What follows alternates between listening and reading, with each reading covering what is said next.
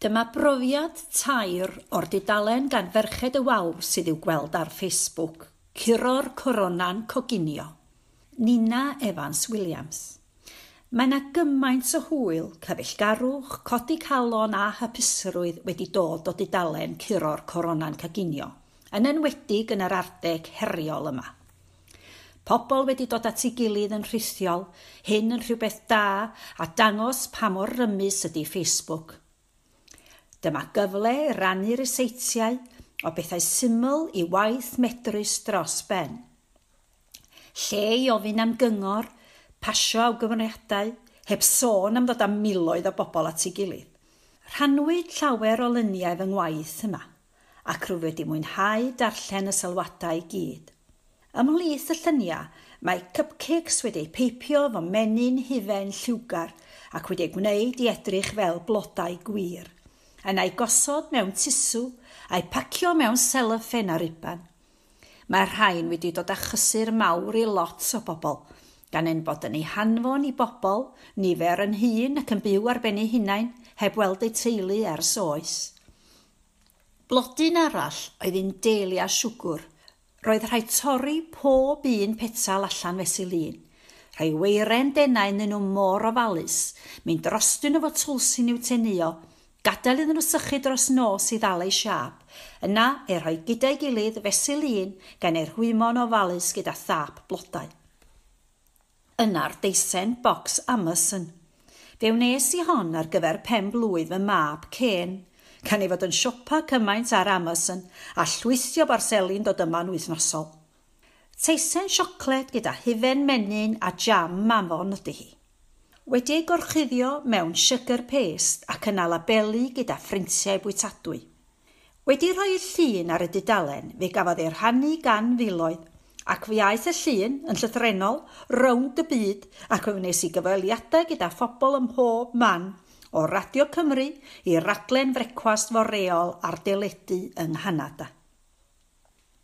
Llinos Angharad Owen – Mae'r cyfnod clo yn sicr wedi bod yn gyfnod heriol i ni gyd, ond yn bersonol yn ystod y cyfnod yma, dwi wedi cael pleser mawr yn edrych ac yn cyfrannu'n rheolaidd i'r didalen curo'r corona'n coginio.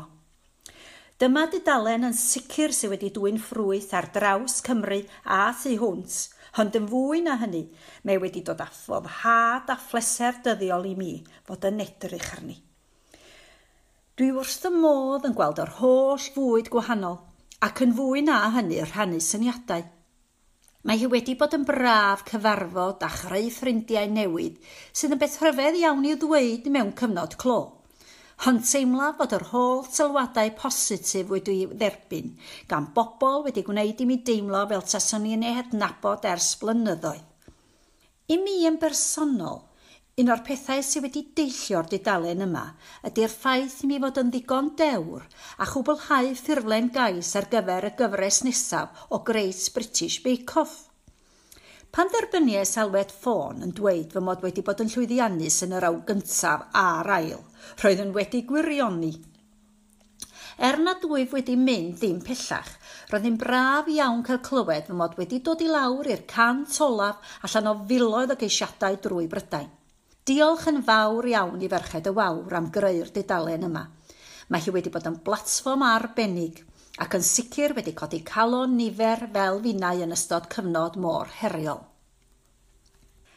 Rhian Cydwaladr O ymuno o'r dudalen yn fuan ar ôl iddi gael ei chreu, cefes fy machu yn syth. Wrth fy modd yn gweld y mathau y fwydydd sy'n cael ei fwyta a sut y mae pobl yn cael eu hysbrydoli gan ei gilydd ac yn rhyfeddu at sgiliau'r cygyddion. Y pobwyr cacennau yn arbennig. Mi ddechreuais rannu lluniau o fy mhrydau i, yn enwedig ar nosweithiau Gwener, pan oedd yn cymryd arnam od i mewn bwyty, a gwneud chydig mwy o ymdrech yn y gegin gan arbrofi fy esetiau fy hun. Roedd hi'n hyfryd erbyn adborth gan aelodau'r didalen.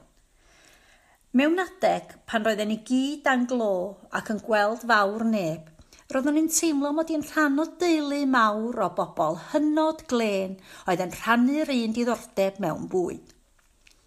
Braint arbennig oedd cael dau resites yn y llyfr a ddeilliodd o'r dudalen. A chyffroes iawn wedyn oedd cael y cyfle gan wasg y bwthyn a'r cyngor llyfrau i greu llyfr coginio fy hun. A finnau'n ei casglu ers farddegau, dyna freuddwyd yn dod yn wir. Mi fydd llyfr Casag y Dwaladr yn cael ei gyhoeddi yn hwyrach ymlaen eleni. Fyddai hyn ddim wedi digwydd heb y dudalen, felly diolch o galon i ferched y wawr ac i aelodau'r dudalen am eu cefnogaeth.